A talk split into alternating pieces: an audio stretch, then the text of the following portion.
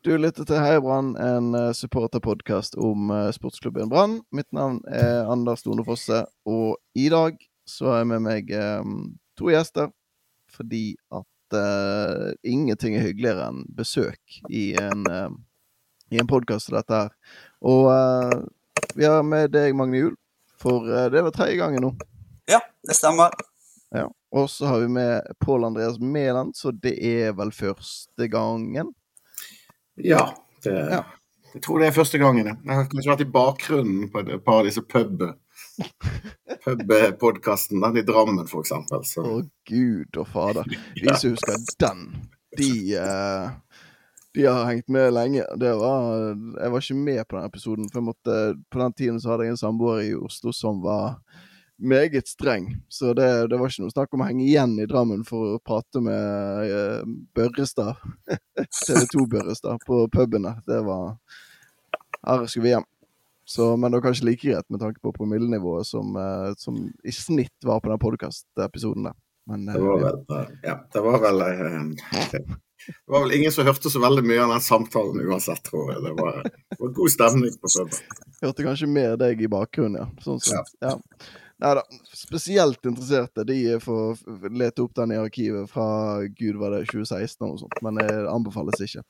Uansett um, Vi har uh, litt greier vi skal innom her. Vi tenkte å begynne med uh, noe som Altså, utgangspunktet for at jeg tenkte nå passer det godt med en episode, det er en uh, Twitter-melding som ble skrevet av Magne Juel om hvordan vi elsker VAR. At det er helt enormt pinlig, skrev du, Magne.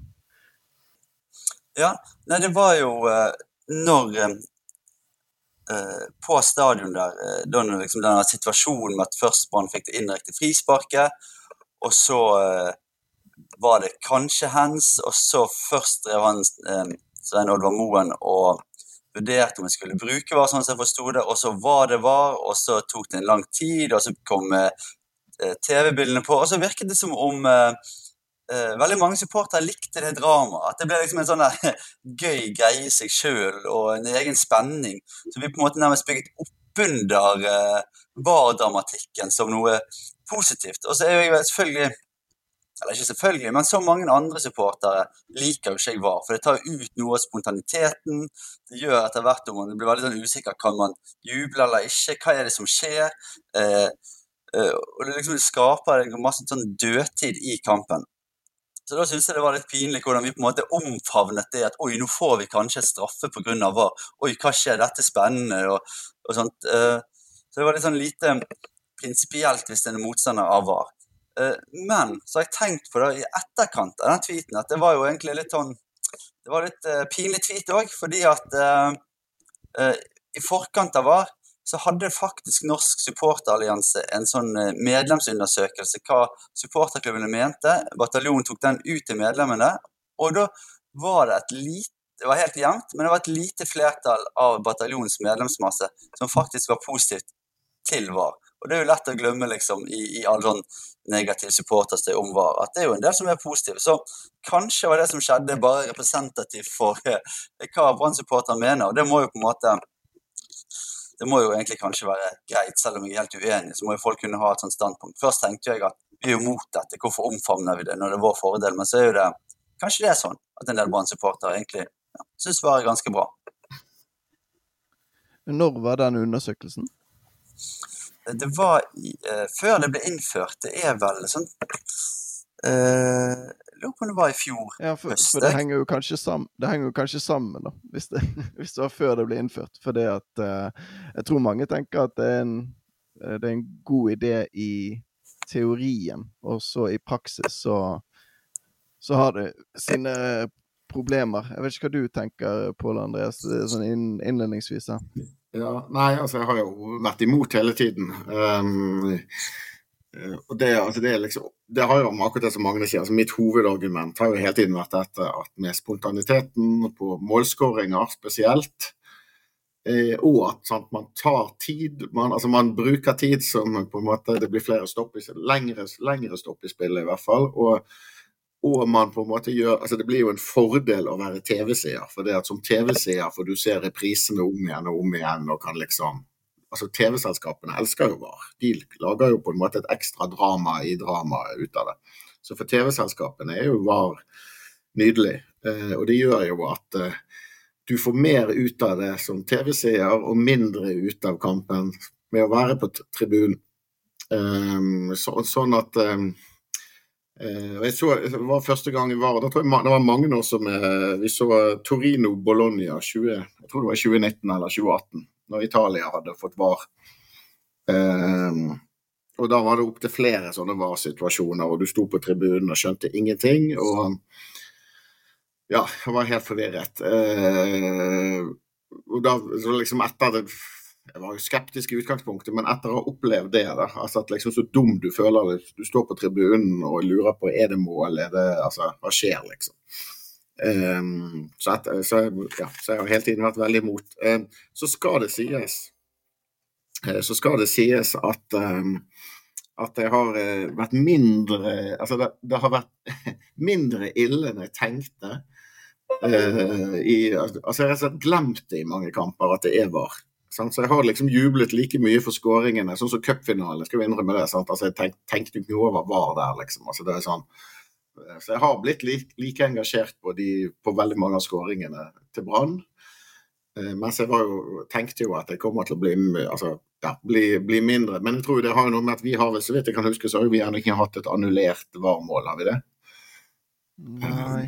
Nei. Kommer ikke på noe i farten. Jeg tror vi hadde et mot oss. altså Var det Lillestrøm som hadde et annullert varmål? I hvert fall. Ja, i cupfinalen var jo det. Ja, ja, ja, de hadde jo et der. Og så hadde du den eh, straffesituasjonen mot Rosenborg. Det var jo litt nedtur. Da Dyngeland reddet, og så eh, ja. viste seg at han hadde gått for tidlig. Og Det var jo på en måte helt utrolig gøy når han reddet, og så var det mye greier hva skjedde. Men jeg husker òg den uh, kampen vi så i Italia. Så jeg mer, når jeg får kamp i Italia mellom Torino, Torino, og Bologna, så var jeg mer interessert i supporterkultur. Så jeg husker egentlig ikke det som skjedde rundt VAR, utenom at Pål Andreas var veldig sur på VAR etterpå. Men jeg husker når jeg var på første gang jeg liksom fikk avsmak på det. Det var borte mot Sarpsborg. Da skårte Sarpsborg.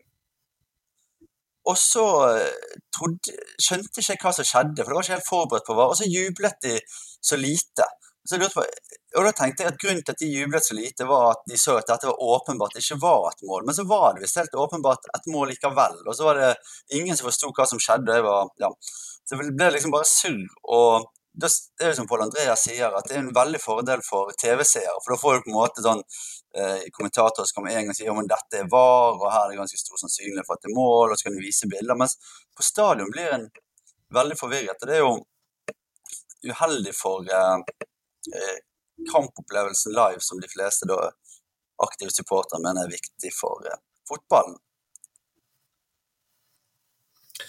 Så, men, men, men så, så, ja, sorry, Pål. Men sånn som du skriver, Magnus, sånn, altså hvordan vi elsker VAR, at det er helt enormt pinlig. Men skal ikke man da altså Mener du at man ikke skal juble når, eh, når, når vi får det eh, når, når, vi får den straffen?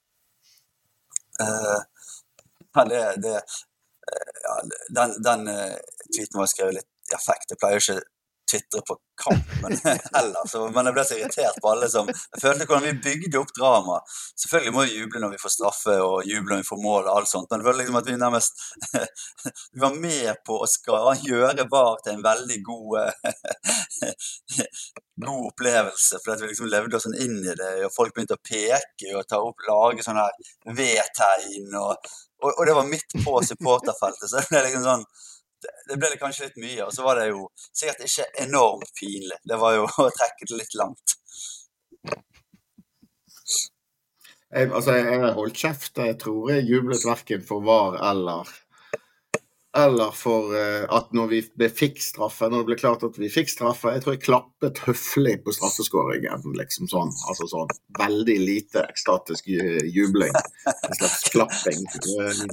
Men altså, jeg ble, jeg ble bare sur av hele den situasjonen. Jeg ble bare, Det ødela humøret mitt, det der 2-0-målet til Brann. Så eh, ja, det, det, var litt det samme. Der, det der. For første, ikke, ikke, for første var det helt umulig å skjønne hva som skjedde en periode. sant? Fordi at jeg så ingen straffe der vi sto, og, og noe hands. altså jo, han blir jo skutt opp. Det er jo er en sånn type sånne Dette har jo litt med hands-regelen, sånn som den, men han blir jo det, han blir, det er så helt, Du kan sikkert forsvare og gi straffe på det, men det er jo altså, det er et hardt skudd. og Han har eh, HamKam-spilleren snur seg litt og har den ene armen litt ute. Altså underarmen litt ute og får ballen i underarmen. Og, altså.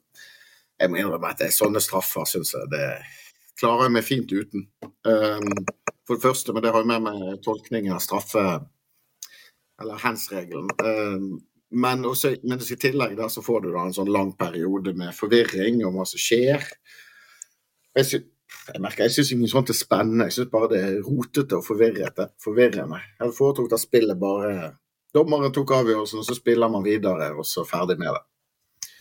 Um, men, men, eh, men, selvfølgelig, man kan jo ikke kreve at alle skal altså, Jeg skjønner jo at folk jubler når Brann får et straffe, på en måte. og det, det, er et, eh, altså, det, er et, viktig mål, eller det er forskjellen på 1-0 og 2-0. Så det er helt sånn eh, Jeg skjønner jo at folk jubler, men jeg syns også at det ble litt for mye sånn der Ja. Det var, no, det var, en del som ropte 'hata' 'hata NFF' og sånt, så det var, det var, en litt sånn blanding. Men det var mange, det var mye sånn jeg skulle ønske vi kunne være litt mer prinsipielle. At vi klarte å beherske oss litt, selv om eh, vi får en vareavgjørelse som går i vår for det. Ja, Men, men jeg, eh, jeg, skulle egentlig spørre at hvis du etter kampen kom på puben eller satt deg på bussen eller hva, og så så du oi, her var det straffe. Hadde du ikke da blitt voldsomt bitter, men så viser det seg at du, du ser egentlig ikke at det er straffe engang. Så det, så det er kanskje, jeg har aldri, aldri blitt veldig bitter. Jeg har aldri blitt veldig bitter av sånne ting. Nei, så det Jeg syns Ja. Generelt har jeg aldri vært veldig opptatt av sånne dommeravgjørelser og sånt. Syns det er noe gnål. Gnål i ettertid uh, om sånne dommeravgjørelser. Men uh, jeg eh, Jo, jeg er litt sånn jeg er ikke så puritansk som Pål Andreas. Jeg, jeg jublet. Men som er bitter Jo, en blir jo selvfølgelig litt bitter når dommeravgjørelser går imot, men jeg har litt sånn sånn rart. Jeg har alltid likt veldig godt når Brann får helt sånn urimelige dommeravgjørelser med seg. Jeg husker det var en sånn der var denne offside-scoring mot Rosenborg eller noe sånt. Noe helt sånn, det syns jeg er veldig gøy. Hvis Brann får et sånt ja. Så jeg syns det det skjønnet til dommeren er jo noe av det som gjør eh, eh, altså Et element som gjør fotballen gøy. Å ta det vekk egentlig jeg ikke, altså, å få veldig mye høyere kvalitet på dømmingen. Jeg må innrømme at Det er ikke noe av det jeg er mest opptatt av i forhold til fotball. Det er selvfølgelig bra at dommere blir profesjonelle og tar mest mulig riktige avgjørelser, ha respekt for eh, den rollen og sånt, men at det er sånn helt utrolig viktig for uh, fotballen sin uh, underholdningsverdi og interesse, det, den kjøper jeg ikke. Iallfall ikke for min del. Uh, og det igjen, det blir jo, jeg tror det igjen, det handler veldig mye om de som ser veldig mye fotball på TV, så er det kanskje sånn ha det perspektivet. Men jeg tror de som er på kamp, så tror jeg eh, eh Folk blir jo alltid bitte når dommergjørelser går mot dem, men jeg tror mange tenker at hvis en ser litt, litt, stort på det, at det er jo litt av pakken òg med, med, idrett. At du har dommere som må ta noen skjønnsmessige avgjørelser som kan, gå i, kan både være feil og de kan gå i begge retninger.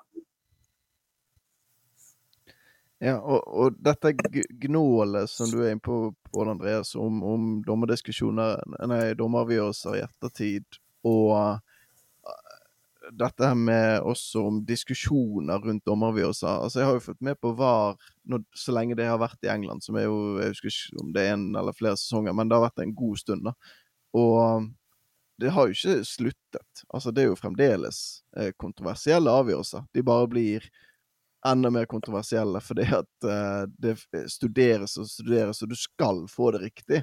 Og så klarer du likevel ikke å få det riktig, og man går, eh, sjekker ikke enkelte situasjoner. Så viser det seg en halvtime etterpå at oi, den burde de virkelig sjekket, og så har ikke de gjort det.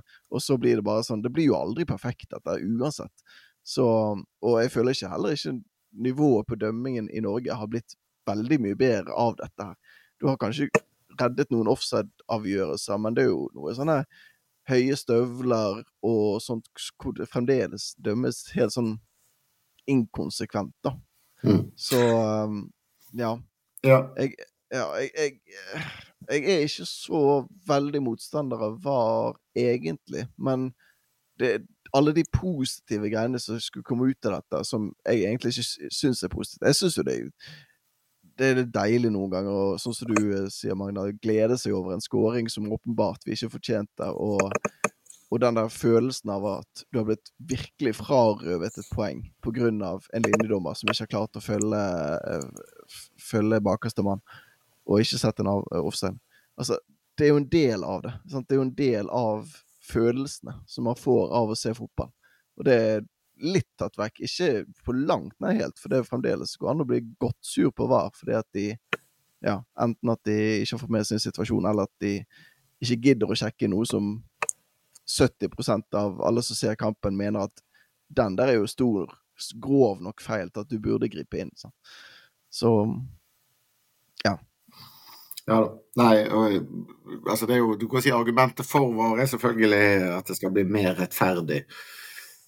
Det er jo kanskje litt sånn altså For min del har det aldri vært så veldig viktig at fotball er rettferdig. Altså i hvert fall, For å si det sånn, så lenge vi ikke er systematisk urettferdig. Altså hvis dommerne Hvis vi hadde korrupte dommere i Norge som på en måte var kjøpt av ja, Rosenborg, eller vi får si Bodø-Glimt nå, da. Bodø Hvis Bodø-Glimt hadde kjøpt alle dommerne i Norge, sånn at det var en systematisk urettferdighet der, jeg vet jo det finnes jo selvfølgelig folk som har hevdet det opp gjennom årene, særlig med Rosenborg, men eh, det er jo bare tull. Altså, eh, I den grad norske dommere er dårlige, så er de dårlige i alle retninger, på en måte. Så det jevner seg jo ut eh, utover en sesong. Så jeg har aldri vært så veldig opptatt av det der med rettferdighet. Pluss at jeg syns jo nettopp altså, Urettferdighet er jo det, noe av det som gjør fotball litt gøyere enn friidrett og langrenn, på en måte.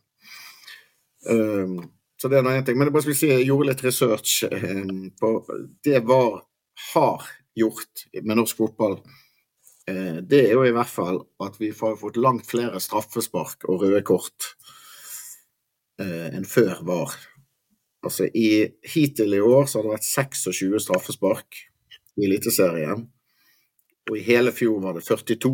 Og vi er jo under halv, halvspilt i sesongen, sant? sånn at vi ligger jo an til 50-60 straffespark hvis det fortsetter sånn. Uh, røde kort var det uh, hadde vært 19 hittil i år, og det var 4, 24 i hele fjor. Sant? Så der er vi jo nesten på en dobling fra fjoråret, hvis dette fortsetter ut sesongen. Og Det kan man jo selvfølgelig noen mene er positivt, at nå, nå, nå tar man på en måte synden eh, eh, mer enn man gjorde før. Eh, men, men, jeg syns jo også altså, to ting som på en måte ofte ødelegger fotballkamper, er jo røde kort og straffespark. Altså, særlig røde kort er ofte veldig ødeleggende for en fotballkamp. Eh, sånn at For min del er det ikke noe mål å ha flest mulig kort i Altså at liksom alt, at alt skal straffes. Eh, eller at listen skal på en måte legges lavere enn den var før. Eh, så Men ja. Nei. Men bare for å si det, det er jo, Men samtidig jeg innser jeg jo at dette er jo sånn kamp mot vindmøller. VAR er jo kommet. Jeg vet at f.eks. Lillestrøm har gjort et vedtak om at de skal eh, på årsmøtet har gjort et vedtak om at de skal jobbe for å få det fjernet igjen ved neste TV-avtale. For det er vel litt sånn at nå er det den TV-avtalen med TV 2 som regulerer at det skal være VAR. Så om fem år eller noe sånt, så kan man i teorien fjerne det. Ehm, jeg tror vel det er ganske urealistisk, men, ehm, men eh, gjerne for min del, altså. Men, ehm, men jeg bare la merke til at Malmö, som jo er en av Skandinavias største klubber, de vedtok denne uken at de, de er imot innføring av VAR i Sverige. Det der er utrolig, Den svenske dynamikken rundt det der er utrolig interessant. fordi at eh, majoriteten av eliteklubbene i Sverige har vedtatt at de er imot VAR. Uh, og det er liksom det, organiseringen for uh, de svenske toppklubbene er tydelig på at de er imot VAR. Og så er det drevet fram av uh, supportere som òg er medlemmer, så det er en form for medlemsdemokrati. Og det er jo nesten det fremste ja, supporterpolitiske kampsaken der nå, i tillegg til kampen mot politiet. Men det som gjør det litt vittig, er at den som er, liksom er eh, leder for Fotballforbundet i Sverige nå, det er Fredrik Reinfeldt, den tidligere statsministeren. Eh, og Han er jo på en måte en person som i utgangspunktet var litt upopulær blant mange supportere. Ikke fordi at han uh, var moderat, eller noe sånt, men fordi at han var et sånn symbol på en som egentlig ikke har fotballbakgrunn, men bare kommer inn i fotballen for det gir en eller annen status og posisjon. Altså, han, er ikke en, er ikke en ekte fotballtype. Selv om han alltid har vært uh, Djurgården-supporter og gått på kamp der. Så uh, han startet ganske mye på minus, og han har nå kommet i skade for å si at VAR er kommet for å bli, det må jeg få i Sverige òg, og det var noen supportere som, som er litt uenige og gjør litt motstand. Og Da er jo supporterne sier at nei, vi er jo ikke bare noen supportere, det er jo faktisk eh, det er litt det samme som retorikken vi bruker. Nei, det er jo medlemmene i toppklubbene som har sagt nei til dette. Dette er jo idrettsdemokrati, og det må jo òg Fredrik Reinfeldt forholde seg til. Så her, det er enormt mye diskusjon rundt det i Sverige, som har egentlig gått over fra å være en litt sånn var diskusjon til å bli en diskusjon som handler mer om, nesten mer om eh, idrettsdemokratiet der, og hvor upassende Fredrik Reinfeldt er til å styre svensk fotball. Så der, det, Den diskusjonen er ganske gøy å følge nå. Ja, og så syns jeg de, denne undersøkelsen som de tok blant supporterne, den bør de jo det, det, kommer de sikkert til å gjøre, da, men de bør følge det opp eh, etter nå at det er blitt innført òg se hva folk synes nå. For det ja, De fleste jeg snakker med, er jo negative. Så greit å ta en sjekk der. Selv om det Som sagt, altså når, når det skaper TV-drama, og, og, det er positivt for de, så er det jo ikke veldig sto, stor grunn til at det skulle forsvinne med det første. Nei. Så det, det kan nok være. Um, vi har flere ting vi har lyst til å ta opp uh, i denne episoden, så vi hopper litt videre. Og uh, nok en gang, Magnus, er det jo selvfølgelig du som setter dagsorden for denne, denne podkasten her. Uh, fordi du har skrevet på Twitter igjen at Eller du har kastet ut en brannfakkel der du spør om vi er den klubben i Norge som har svakest sangmentalitet. Og så kommer du med noen tall der. For på Store Stå så er det plass til om lag 1000 og så tror du at det er 150 som synger, 600 som mimer eller mumler, og så er det 250 som er passive. Um, hvor, hvor, har du de tallene fra? ja, nei, det, det, er ingen systematisk undersøkelse, men uh, jeg har faktisk gått litt rundt på Storestå og stått litt ulike plasser i den siste kampen og prøvd å observere litt. Uh, og det er overraskende mange steder på Storestå det er helt dødt. Uh, vanligvis der jeg pleier å stå i, i lag med liksom en del av de jeg går på kamp med, så der er det mange som synger veldig masse. Men så har jeg prøvd å bevege meg litt rundt, og da er det ja, eh, veldig sånn stille og rolig på Store Stå. og så er det, De tallene er jo selvfølgelig kanskje ikke sånn enormt presisjonsnivå på, men det, det er et eh, en overraskende observasjon. Mm. Eh, og det er litt uh, rart, fordi at uh, Det er ikke sånn at den bergenske supporterkulturen har vært kjent for å være veldig stille, mumlete, rolig og forsiktig. Så det at, at vi har fått den utviklingen kan være mange grunner til det. og Det var litt derfor jeg la ut den tweeten for å skal, få litt sånn innspill og diskusjon. og Dette er noe som har vært diskutert mye på chatter den siste tiden. Men så tenkte jeg at det kan være greit å få det, en sånn diskusjon også ut i liksom, liksom uh, brannoffentligheten, som i praksis ofte er Twitter. Uh, så henger jo det Det, kommer et par viktige nyanseringer. Det ene er jo at i et historisk perspektiv så er jo stemningen i 2023 mye bedre enn det har vært de aller fleste årene etter 2008-2009. Så det blir jo alltid hvor ligger listen? Så utviklingen mener jeg fortsatt er, er positivt, og det er jo det må man ta med seg. Og så er det veldig masse positivt som skjer med TIFO og i forhold til all sånn her kultur rundt merch og stickers og fanziner og podkaster. Sånn, så det er et enormt uh, mobilisering til bortekamper, hjemmekamper. Så det er på en måte et enormt uh, supporterengasjement. det det òg er viktig å ta med seg. Men jeg hadde jo trodd at når det er så mange som går på kamp, det er så stor interesse rundt klubben, det er så gode sportslige resultat. Av og til når det er dårlig stemning, så peker man på at det er ikke rart det er så dårlig stemning fordi laget spiller kjedelig fotball, eventuelt de taper kamper. Nå er på en måte alle faktorene ligger til rette for at det skal være virkelig god stemning, og så er det egentlig ikke det. Eh, i mine øyne. Iallfall ikke i forhold til det potensialet det jeg har sett for meg.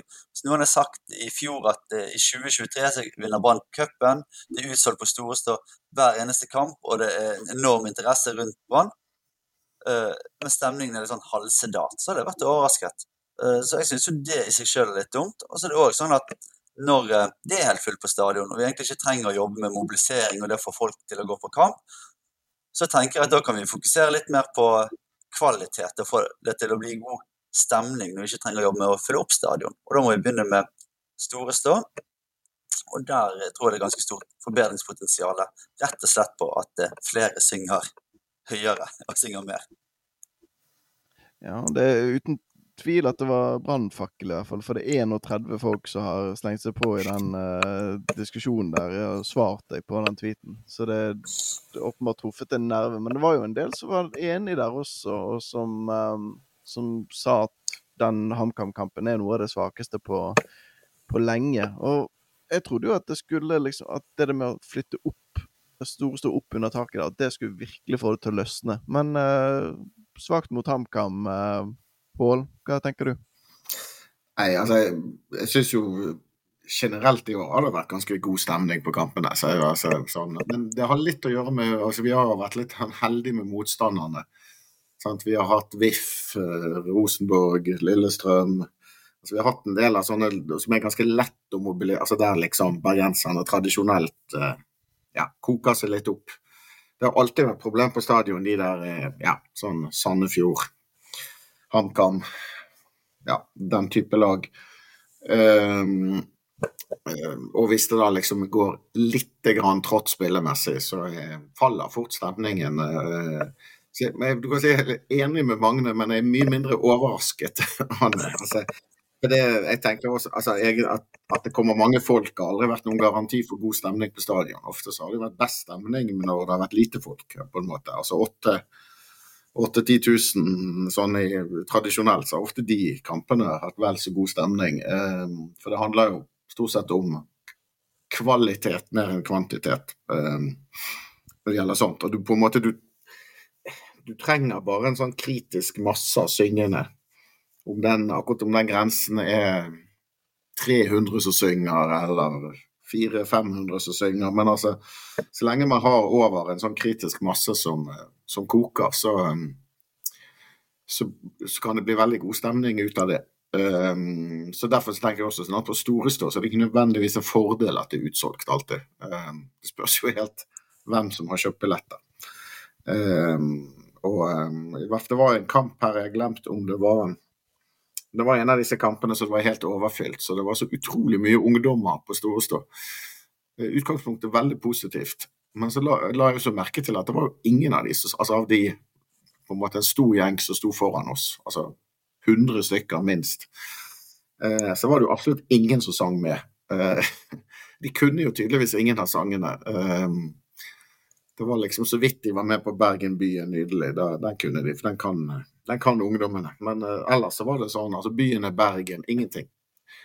Um, og det er jo litt sånn, det kan du på en måte si at det er jo fint med unge ungdommer som uh, kanskje de lærer, og noen av de kanskje blir altså Noen kommer tilbake, men samtidig blir det for mange sånne som bare er der for altså, ja, stemningsturister eller folk som har kjøpt på Storestad fordi det er det billigst der, eller det var der det var ledig, eller sånn, så, så, er jo det et, et, problem for stemningen. Så det er jo Det er jo vanskelig. Men eh, jeg syns jo sånn historisk sett så var det, det var jo helt det var dårlig mot tanker, men det var ingen sånn krise. Vi har hatt mye dårligere stemning enn det på stadion. Eh, og jeg syns jo det har hjulpet veldig å flytte opp. altså Det er nå på en måte bare det at du ja, du får bedre akustikk rett og slett på lyden. I hvert fall når man altså, man, man, slipper å høre sin egen stemme hvis man tar litt i. For da Og man er liksom en, en liten gjeng som synger. Så, så jeg syns lydmessig har det hjulpet å flytte opp. Men, men ellers er jeg enig med Magne. Altså, vi har jo mye å gå på. Det er andre, det er andre grupperinger i Norge som eh, har litt mer trøkk i syngingen. Um, I hvert fall. Ja, altså På de kampene som jeg har vært på, sånn type Altså VIF for eksempel har jo Det er mer trøkk eh, i den supportertribunen. Altså, de er flere som synger, og de Ja, de, de synger høyere, rett og slett. Eh, og jeg vil kanskje også si Rosenborg Selv om det er godt mulig det blir dårligere der nå, altså. Men eh, det er egentlig ingenting som tyder på det, sånn som jeg setter på TV. Og, um, og um, ja, i hvert fall de to. Og Lillestrøm, Lillestrøm kan man vel også si at de Det er en del mer trøkk i syngingen der blant på supportertribunen. Jeg er jo, eh, Hvis du ser på det historisk, så er det helt rett at du det er ikke et nytt fenomen, og stemningen varierer litt. Men jeg har litt lyst til at vi heller skal se framover og se hva, er potensialet, og være litt ambisiøs som en sånn altså som Brann-supporter. At vi kan være litt ambisiøse på at vi vil ha vesentlig bedre stemning. Vi vil liksom være de ledende i Norge. Ikke fordi dette er en nødvendigvis sånn konkurranse i seg sjøl, men det er jo litt det òg. Og det har jo alltid vært det.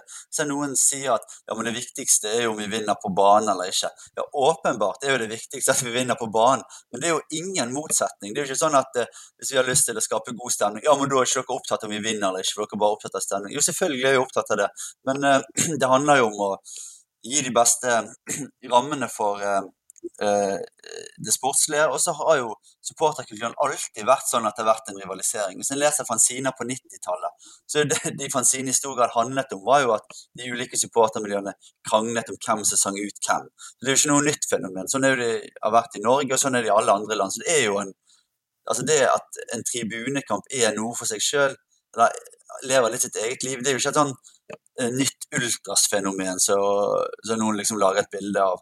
Det er noe som i all supporterkultur har stått sentralt, liksom, å vinne tribunekampen. Så jeg synes jo at eh, Og nå, nå, har vi mange nye ungdommer som strømmer til, som Pål Andreas snakker om, som er helt uh, utrolig positivt. Og Da er det om å gjøre å få det inn i en sånn kultur at det blir en sånn ja, mentalitet for å synge og, og koke, og ikke liksom bare være til stede. Gå fra, Vi trenger liksom at flere går fra å være tilskuere uh, til å være sånn skikkelig aktive supportere som eh, er opptatt av eh, stemning. Eh, og i hvert fall på store stå, for dette én ting er jo det er, Som noen skriver, ja, men jeg synger bare med av og til. Og det er helt greit, men da tenker jeg at på alle måter er helt greit. Det handler selvfølgelig like mye Brann om hvor mye du synger eller ikke, men da tenker jeg da bør du ikke gå på store stå. Da har du på en måte 15 700 andre plasser du kan kjøpe billett. Men eh, siden du er opptatt av å se framover, eh, Magne, hva konkret kan man gjøre, da? Altså, kan, kan man si fra til folk? Kan man eh, Altså, vi, vi, snakker om det her, men jeg, jeg, tenker på en måte at de som velger å høre på dette, de synger allerede. Sant? Altså at de hvordan, hvordan skal vi få spredd budskapet og synliggjort det med at står du på store stå, så, så synger du, på en måte? Det det er jo litt sånn uh, ja, Jeg syns masse av det som blir gjort, er veldig fornuftig. Og det tror jeg litt derfor en får til ganske mye på mange måter innen supporterkultur. Så jeg tror på en måte at en skal jobbe mye etter det sporet en jobber nå, liksom, at en har en, en eh, bredest mulig diskusjon rundt stemningen som involverer flest mulig, men at også en har en del sånn uh, ulike uh, chatter og undergrupper sånn som diskuterer mye hvordan en kan få opp stemningen. At en eh, har Sånn som på forrige hjemmekamp så var det et lite sånn informasjonsskriv til alle som gikk på Storestå, eh, som gikk på at det her eh, eh, opplever ikke stemningen. Her skaper vi stemningen. Eh, jeg tror på en måte det er langs de aksene man må ta det opp. På bortekampene så har jeg begynt å lage sånn kart over eh, ulike feltene, sånn at en samler de som er mest opptatt av å synge. og hvis så jeg tror liksom det er mer av den samme medisinen. Og så kanskje òg litt større grad en erkjenning av at uh, det er dessverre noen miljø i Norge, og kanskje enda mer i andre skandinaviske land, som uh, det er mer trøkk i enn oss. Istedenfor at vi liksom lurer oss inn i å snakke om den, den bergenske tribunekulturen er helt unik, og vi er liksom sånn uh, dominerer. Og så gjør vi egentlig ikke det, selv om det er veldig masse som er bra med supporterkulturen vi har. Eh, så jeg har ikke noe sånn genialt svar. Jeg tror ikke det fins det. Jeg tror det er på en måte litt sånn ja, arbeid over tid med det. Ja, ja for du, hver, altså, hver gang du er på denne podkasten, så snakker du alltid om en eller annen sånn supporterkultur i, i Malmö eller i, i, i, Danmark. et eller annet. Du har alltid en eller annen sånn her historie, men det er ingen sånn quick fix, altså. Som uh, i, i AIK så gjorde de dette her, og da ble det dritbra. Nei, det er jo ikke det. Uh, Og så er jo det på mange, og det må jo òg på sånn som på TIFO og bortefølge og egentlig på eh, masse sånne ting, så er jo vi eh, best i Norge. Og nesten på nivå med en del av de andre klubbene eh, som liksom vi ser opp til. Vi har tatt noen enorme skritt eh, på det. Og det er jo klart at eh, noen ganger på hjemmekampen i år, og, og sånn som på cupfinalen, eh, så var det noen lydtopper som på en måte var du må definitivt må tilbake til 2007 før sist du kan gjøre det. Jeg, jeg, tror faktisk heller ikke at de var så Jeg tror egentlig de var bedre noen ganger i år enn det var i 2007. For husk at i 2007 så var det ikke ståplasser på Frydenbø, og Øvre Frydenbø eh, var ganske mange som alltid satt. Så det var ikke sånn at hele Fryden besto i 2007, og det var ingen ståplasser, så det var jo færre folk til stede òg. Sånn at det er jo Det viser litt av Det er litt derfor jeg er opptatt av det, for at potensialet er så enormt stort akkurat nå, hvis vi tar denne sjansen og tar denne bølgen. Eh, det har ikke vært like lett å snakke om dette i, i eh, en del av de årene som har vært imellom, når liksom det har vært mye rot og kaos og sportslig motgang og liten interesse.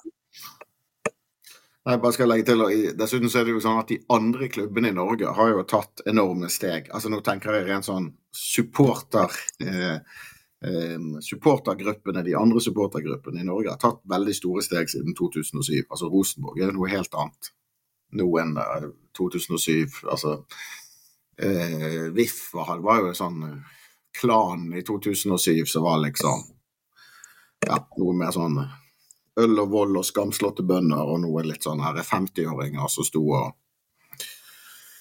Uh, ja? Altså, det er mye mer dynamisk kultur nå i mange av de andre klubbene. Um, uh, og det, det, har også skjedd mye nå i det siste i, i, hos oss, men, uh, men, det er klart konkurransen er på en måte mye hardere nå, vil jeg si. Altså, hvis man tenker kun på supportergrupperinger og ikke publikum generelt. altså sånn antall til. Det var flere tilskuere i 2007 i norsk fotball, men eh, det er flere syngende supportere nå enn det var den gangen. Det er jeg ganske sikker på. Um, men, eh, men altså, ellers så um, tenker jeg jo sånn at, at, om vi kan gjøre noe Det er klart, det kan hende Jeg så veldig mange på Twitter skrev at ja, sangene går for raskt, det er for mange ord. Det er for mye altså det, jeg, jeg er delvis enig med det. da. Altså, det er en del av sangene våre som er vanskelig å få veldig trøkk på. fordi at du du må bruke mye tid på å konsentrere deg med å få med alle ordene. altså på en måte, så det, Jeg er enig med det at vi, ja, det kan kanskje gjøres ting med, men det er, det er problemet med dette med, med sanger er jo at eh, det blir alltid sånn diskusjon om hvilke sanger man burde synge, og timing. Og jeg var selv, er jo selv ofte litt sånn kritisk til timing og syns at liksom Ja, det, når det er corner, bør vi gjøre sånn, og når, etter vi har scoret, bør det komme. Men vi har jo tross alt på en måte Vi har jo type byen er Bergen. Altså, du har jo noen sanger som alle kan, som alltid har vært sunget, og som alle kan slenge seg med på. Uh, og selv der er det jo mange som på en måte holder kjeft, eller kanskje løfter skjerfet, men uten å synge. Og, altså, sånn at det er jo du har jo muligheten til å, Man har jo muligheten å, å virkelig trykke til på de sangene som, som alle kan, og alle vet at det kan bli trykk på. Eh, og så får man jo heller tåle at eh, noen andre sanger er det mindre trykk på. Det er jo klart, det, jo, det vil jo aldri bli sånn at det er 100% trøkk hele kampen igjennom. Det er jo helt utopisk. Men, uh, men jeg føler også at liksom sånn det, Da må man jo Hvis man er misfornøyd med mange av sangene, så må man jo synge på de man liker, da. Og vise at, uh, vise at uh, det er denne sangen som gir trøkk, liksom. Det er klart at hvis når kapoene merker det, så vil de jo starte den sangen oftere. Hvis det, hvis det, er en sang som på en måte virkelig slår igjennom på tribunen. Betyr det at man skal, hvis det er en sang man ikke liker, så skal man være stille i protest? nei, det, det er helt nei. Alle må synge på alt. ja, men, jo, altså, men, samtidig, det er jo på en måte Det blir jo litt naturlig. Hvis du syns en sang er helt håpløs, så synger du jo enten litt lavere eller ja, i hvert fall uh, stønner oppgitt. Altså sånn, Det hender jo at jeg, at det hender at jeg blir irritert på sangene som startes. og liksom, sånn at det er jo på en måte, det er noe menneskelig. altså Man kan jo ikke tvinge noen til å synge, så det må jo liksom være frivillig. Men, uh, men jeg prøver jo sånn Og jeg føler kanskje sånn på bortekamper så føler jeg folk synger med på det meste. Eh, mens på hjemmekamper er det veldig mye sånn ja, eh, folk, Alle har sin egen mening om at nå burde denne sangen kommet, og nå burde Så det er litt sånn, det er akkurat mentaliteten er litt eh, Det har kanskje noe med alkoholkonsum å gjøre, men på bortekamper er det mindre, mindre ja, folk slenger seg på lettere på bortekamper. Ja. Eh, for å ta en litt glidende overgang her, så husker jeg jo f.eks. at det var ekstremt godt trøkk. I hvert fall trøkk per person i snitt var ekstremt bra i, uh, i 2019, var det vel, når vi var i, uh, i Dublin og så Shamrock Rovers mot Brann. Um, fantastisk opplevelse, men det ble jo bare med den ene kampen uh, da. Nå har jeg oppe branntall.no her, og vi har jo de tre siste gangene vi har forsøkt oss i Europa, så har det blitt med to kamper. Én hjemme og én borte. Og um, får jo håpe, da, at det, det, kommer seg litt nå. Selv om vi kommer inn ganske seint i, uh, i uh, Conference League. Og møter vel stort sett bare vanskelige lag. Nå så at du bladde litt her på PC-en, Pål. Jeg vet ikke om du har potensielle motstandere oppe? Ja, nei, jeg måtte inn på denne Fortkalk, som er da en uh, ungdom fra Haugesund som uh, som eh, legger ut hvilke klubber man kan møte. De norske klubbene kan møte. Eh, for dette her er jo så, blitt så komplisert at uh, det er jo ingen, nesten ingen som har oversikt lenger. Fotballforbundet NFF hadde jo ikke oversikt når de skulle snakke med BT. Det var Fotkalk fra Haugesund som satt der og styrte. Ja da, så nå hele Norge stoler på at en ungdom i Haugesund vet hva han snakker om. Men det virker som han gjør det. Da. Men um, så han har jo en liste da, over mulige klubber. Det er en ganske lang liste. Men um, um, Og så er det jo litt sånn avhengig av Altså, du har jo um, Vi er jo usidet, så vi møter jo en sidet klubb. Men så er det jo sånn at noen av disse skal jo spille i runden før Q2. Uh, sånn at hvis de blir slått ut av en usidet klubb der, så vil jo den usidete klubben overta sidingen ja, Eh, å komme inn. Det er jo på en måte altså sånn sportslig er jo kanskje det det, det heldigste som kan skje for oss. da, At vi møter en, en, en antatt dårligere klubb som har klart å slå ut en god klubb. Eh, på, vei til, på vei til å trekke, og så trekker oss. Um, så det er jo mye som kan skje her.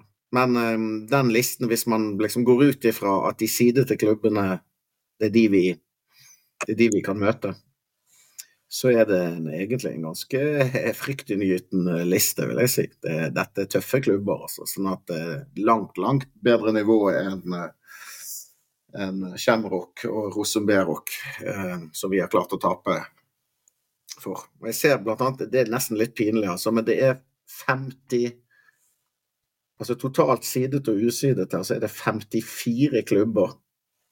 Og vi er den nest dårligste. Altså vi har nest dårligst seedingpoeng av alle. Uh, og det er jo fordi vi har gjort det så dårlig Altså det er klubb klubbkoeffisienten eller noe sånt. ja. Men det er i hvert fall altså, det er jo et resultat av de katastroferesultatene vi har hatt i Europa. Uh, sånn at uh, vi har jo ja, fått bevis. Det, det går vel bare sånn fem Men ja. det går ikke så mange sesonger tilbake. Nei, jeg tror det er fem sesonger. Vel... Jeg tror det er de fem siste sesongene. Ja, sant, så da er det vel faktisk bare den Shamrock-fadesen da, som spiller inn. Og det var jo ikke ja, så mye å skrive hjem om. Det var én uavgjort og, og ett tap. Rosenberg var i 2017, ja, så det er seks år siden. Ja, det var det, ja. Nei, altså Hvordan de regner ut de der koeffisientene, det er det også bare han der i Haugesund som skjønner. Så, men, um, men poenget er jo at hvis du taper mot et lag, et antatt dårligere lag, så faller du kraftig. Og hvis du hvis du slår et antatt bedre lag, så, så klatrer du. Um, men skal jeg ta noen av lagene her? Det, og jeg tror ja, alle blir litt mye. Men uh, jeg kan ta de der de på si, Altså, du har um, de vanskelige Får begynne med de med best, best koeffisient. Uh, Klubb Basel, Alk, Aset Alkmaar, altså Wolfes nye klubb, er det vel?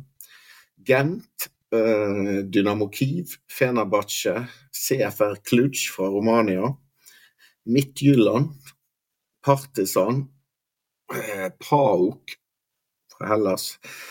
Makabi Tel Aviv i Israel. Victoria Pilsen, Tsjekkia. Eh, Lech Poznan fra Polen. Rapid Wien. Eh, så Hapol Beersheva Israel. Djurgården fra Sverige. De har vi jo møtt relativt nylig. Eh, Apoel Kypros, Besjiktas, Tyrkia, CSK, Sofia, Bulgaria, Tvente, Nederland, Rijeka fra Kroatia, Vitor fra Portugal, to litt spesielle klubber. For det er jo altså ingen av disse storklubbene. Men det er Vitoria eh, som vel er fra Gyamares eller noe sånt. Men også er det en klubb som heter Aroka, som jeg må innrømme jeg aldri hadde hørt om. Jeg følger nå ganske mye med i, på Europacup og sånn. Men det er altså en, en, liten klubb utenfor Porto som tydeligvis har fått noe penger inn i systemet. I hvert fall såpass at de kom på fjerdeplass i portugisisk liga. Så de må jo være gode. Men eh, eh ja, FCSB, altså gamle Stoja Bucuresti fra Romania, Legia Warszawa, Polen. Ja, det er de eh, beste. Og så er det en del andre. AGF Århus, f.eks. Ja. De tar i FC, FC Drita, ser jeg. Ja, Drita er der, men de skal vel spille mot ja, eh, ja, det begynner å bli komplisert, men altså, du har en del av de drita i faktisk side. Absurd nok. Eh, men de har jo altså, Man kan le av drita og sånt, men de har spilt mye Europacup eh, de siste årene. Um, KVX, hvor i alle er det for noe? Er det jeg driter i det. Kosovo, jeg tror det. Kosovo, kanskje? Ja. Ja, men det er jo, det er jo, uh, det er jo ingen av disse stedene jeg tenker sånn Der har det vært kjedelig å dra. Kanskje sånn de nærmeste, da. Danmark og, og Sverige og sånt. Og kanskje litt skummelt å dra til Besjiktas i, i, Tyrkia, og ikke minst uh, Dynamo Kiev, selv om de vet ikke hvor de spiller. Nei, det, men, ja, det blir nok i Polen i tilfelle. Ja. De, de er, spiller vel fortsatt kampene sine i ja, Jeg tror noen av de ukrainske lagene har spilt i Slovakia, men ellers er det stort sett Polen. Så jeg tipper det blir sånn Krakow eller eh, noe sånt, ja. Eh, noe, noe, du tenker kunne vært gøy? Ja, nei, altså det, jeg synes også det er jo veldig mye gøye sånn reisesteder. Men man må tenke litt sånn praktisk. Det er jo altså trekning 24. juli. Første kamp 10. august. Så hvis det blir bortekamp i første, første, altså første runde, første kampen, så har man jo ja, litt over to uker å planlegge dette på. Um, så jeg tenker nå bare altså sånn, et sted midt i Europa. Um, Rett og slett fordi da har man mange muligheter altså, sant, det kan, Israel og Portugal sikkert kjekt å reise der, men eh, da har man plutselig veldig innsnevret med muligheter på fly, og det blir fort veldig dyrt. Eh, det er langt å fly, og det er ja, For det første én, man må fly. For det andre så er det, er det, langt å fly, og det blir fort dyrt. Sånn at eh, Uh, Ja, jeg tenker midt i Jeg tror Victoria Pilsen er min favoritt. Jeg håper vi får de. Hvor mange tror dere det kommer til å reise? For det var rundt du var i Rassomberg var det rundt 100. Det var det samme. Jeg var ikke på den i Nei, Dublin var vi 200. Jeg tror vi akkurat 203 eller noe sånt i Dublin. Men tror, tror dere at det vil Gitt at det blir noenlunde tilgjengelig eh, reisemål, at en kan liksom bli en sånn 500-600 på som vil se Brann i Europa? Eller er det liksom Nei, eh, det høres voldsomt ut, men uh, altså, i hvert fall hvis det blir sånn nede i kontinent-Europa. Men uh, og i, og med, altså, sant, i og med dette med kort, veldig kort tid å planlegge på uh, altså, Det er jo et litt sånn vanskelig tidspunkt for mange. Sant? mange er akkurat ferdig med ferie, eller altså, er på ferie, eller altså, det er jo Men blir vi 200, så er det, helt, det er jo fint, det. men det er klart du kan jo se for deg sånn Danmark-Sverige, jeg tror vi kan bli flere. Da er det mange som kan eh, omtrent kjøre, kjøre, bil eller komme seg på andre måter enn fly. Eh, en del kanskje til og med er på ferie, altså er i nærheten på ferie. Sant? Danmark, det er jo en del bergensere i Danmark i begynnelsen av august. Um, så klart, der tror jeg vi kan bli ganske mange. Um, Ja, ne- det er ikke fryktelig langt fra Midtjylland uh, og sin bane til Billund og til Legoland. Nei, det er det er sikkert noen familie, familiefedre som er nede på Lalandia eller eh, på Legoland der. også. Jeg skal, jeg, skal på butikken, og så blir du borte i, borte i ni timer, og så er du tilbake. Småbrisen og, og uh, happy eller, eller depressiv. Det, altså det var, Kristiansand hadde jo vært sånn eh, et par ganger. Det var vel I fjor så spilte vi vel i Kristiansand i juli. og da var det jo Jeg tror det var mange som hadde truffet hverandre i Dyreparken der på formiddagen. Og så traff de hverandre igjen på stadion, på, eller på puben, eh, på kvelden. Sånn at eh, eh, Nei, du har det. Og så et eksempel er jo Molde. Et av de mer sånn overraskende imponerende bortefølgene i Europa for Norge. Eh, var jo Molde spilte en eller annen kvalifisering mot Elfsborg for noen par, tre, fire år siden. Det må ha vært før korona, antagelig. Men um, da var de altså 450 bortesupportere i Borås i Sverige. Og det er jo Altså, Molde er jo aldri 450 eh, i Bergen, f.eks. Men det var jo nettopp denne effekten, at det var ferie, og eh, folk eh, fant ut at da tar vi bobilen eh, og, og kjører til Borås og tar det som en del av ferien. Så, så eh, du, vi kan få en sånn effekt hvis det på en måte er, er såpass nærmt. Må jo være lov å håpe at de bortetallene som har vært uh, siste halvannet året, at det kan på en måte smitte over til Europa. Det, det er jo ikke voldsomt forskjellig fra det Altså, det er jo samme, samme opplegg, bare litt mer eh, styr og, og planlegging. Men desto gøyere, selvfølgelig. Mm. Når man først er på plass. Skal være lov å håpe. Selv om jeg kanskje føler litt sånn nå at nå når vi på en måte har tapt et par kamper og sånn, så er vi på en måte litt sånn på nedadgående eh, stemning. Det kan bare være det at det, det er at det er sommer og, og, og HamKam og det som gjør det, at jeg føler litt på det. Men eh, det, det, det var et eller annet når vi vant cupfinalen, så begynte å tape litt, så forsvant kanskje bitte litt av den der enorme eh, Det enorme trøkket da, som har vært i, i halvannet år. Og for så vidt på Jerv-kampen, var det jo enormt trøkk av de som møtte opp Da. Men eh, ja, Nei, jeg vet ikke. Jeg er enig i at det var liksom litt klimaks til cupgullet på alle måter. Og så etter det så har det vært eh, Det har vært gøy med Brann etterpå, men Brannlivet har ikke vært så intenst etter uh, cupgullet på en eller annen måte. Men det kan jo hende at en sånn e-cup kan skape litt kok igjen. Jeg tror heller ikke at den kommer til å hevde seg i serien. Altså, tipper vel blir sånn fjerde, femte, sjette, sjuendeplass. Det er det som er mest realistisk. Uh, Cupen det taper han sikkert nå borte mot VIF, mens uh, e-cup det kan være liksom noe som kan fenge litt, gitt at en er litt heldig med trekningen og sånt. Ja. Jeg er litt usikker på om det blir den store folkefesten i e-cupen.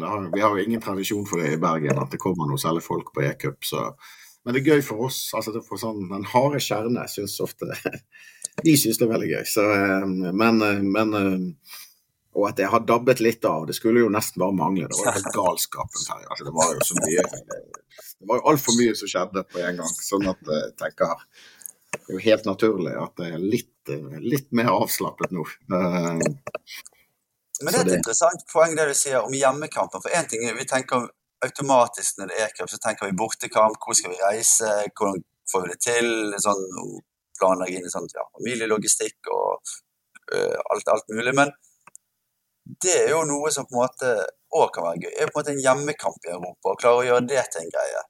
Det har ikke vi hatt så veldig sterk kultur for i Bergen, men flere og flere norske klubber er blitt ganske um, vært mer opptatt av å fokusere på Europa de siste årene og hatt helt annet brukbare tilskuertall ganske tidlig. Viking fylte jo stadion mot Sparta Praha og sånt. Ja.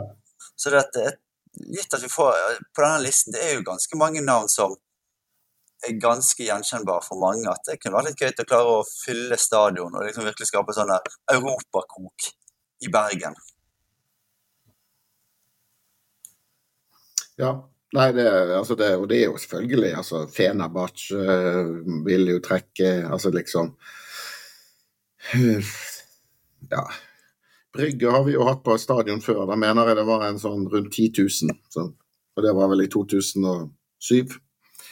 Så det var jo lite den gangen. Det var jo mye lavere, lavere tall enn på en måte seriekampene. Uh, prøver å se andre her som vil trekke ja, jeg tenker Det er kanskje sånn Fenerbahçe Besiktas som kanskje vil trekke mest folk, eller være mest sånn uh, Ja, folk eh, har hørt mest om. Det er jo, Ellers er det jo litt sånn at Alkmaar, Gent, Basel det er gode lag, men det er vel neppe sånn som publikum i Bergen får helt uh, vann i munnen dessverre. Jeg tror, ja, jeg tror det som å kunne skape gnisten er på en måte Europacup i Bergen, mer enn kanskje akkurat motstanderen i seg sjøl. Det må nesten vært et engelsk lag eller noe sånt. Så det er jo vi klarer å få det til.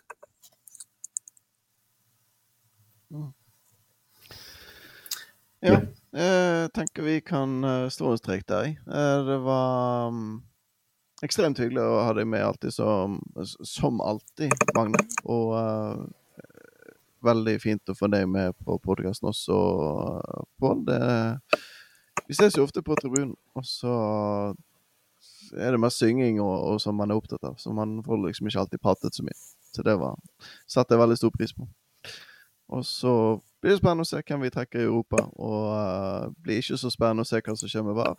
Og uh, stemningen, den må bli bedre. Vi kan ikke nøye oss med et cupgull og si at det var det. Bare avslutte med én ting, og det er jo kvartfinalen på Intility neste uke. Ikke minst. Den må jo folk, alle som er i strøket, det er både diaspora og bergensere som er på Østlandet, og de som klarer å reise over, må jo stille på bortetribunen der. Mm. Så det er foreløpig at vi har bare fått ett felt, så det skal vi i hvert fall klare å fylle det. Det standard bortefeltet. Det, det må gå an å få til. Yes. Takk for, uh, takk for praten. Takk for praten.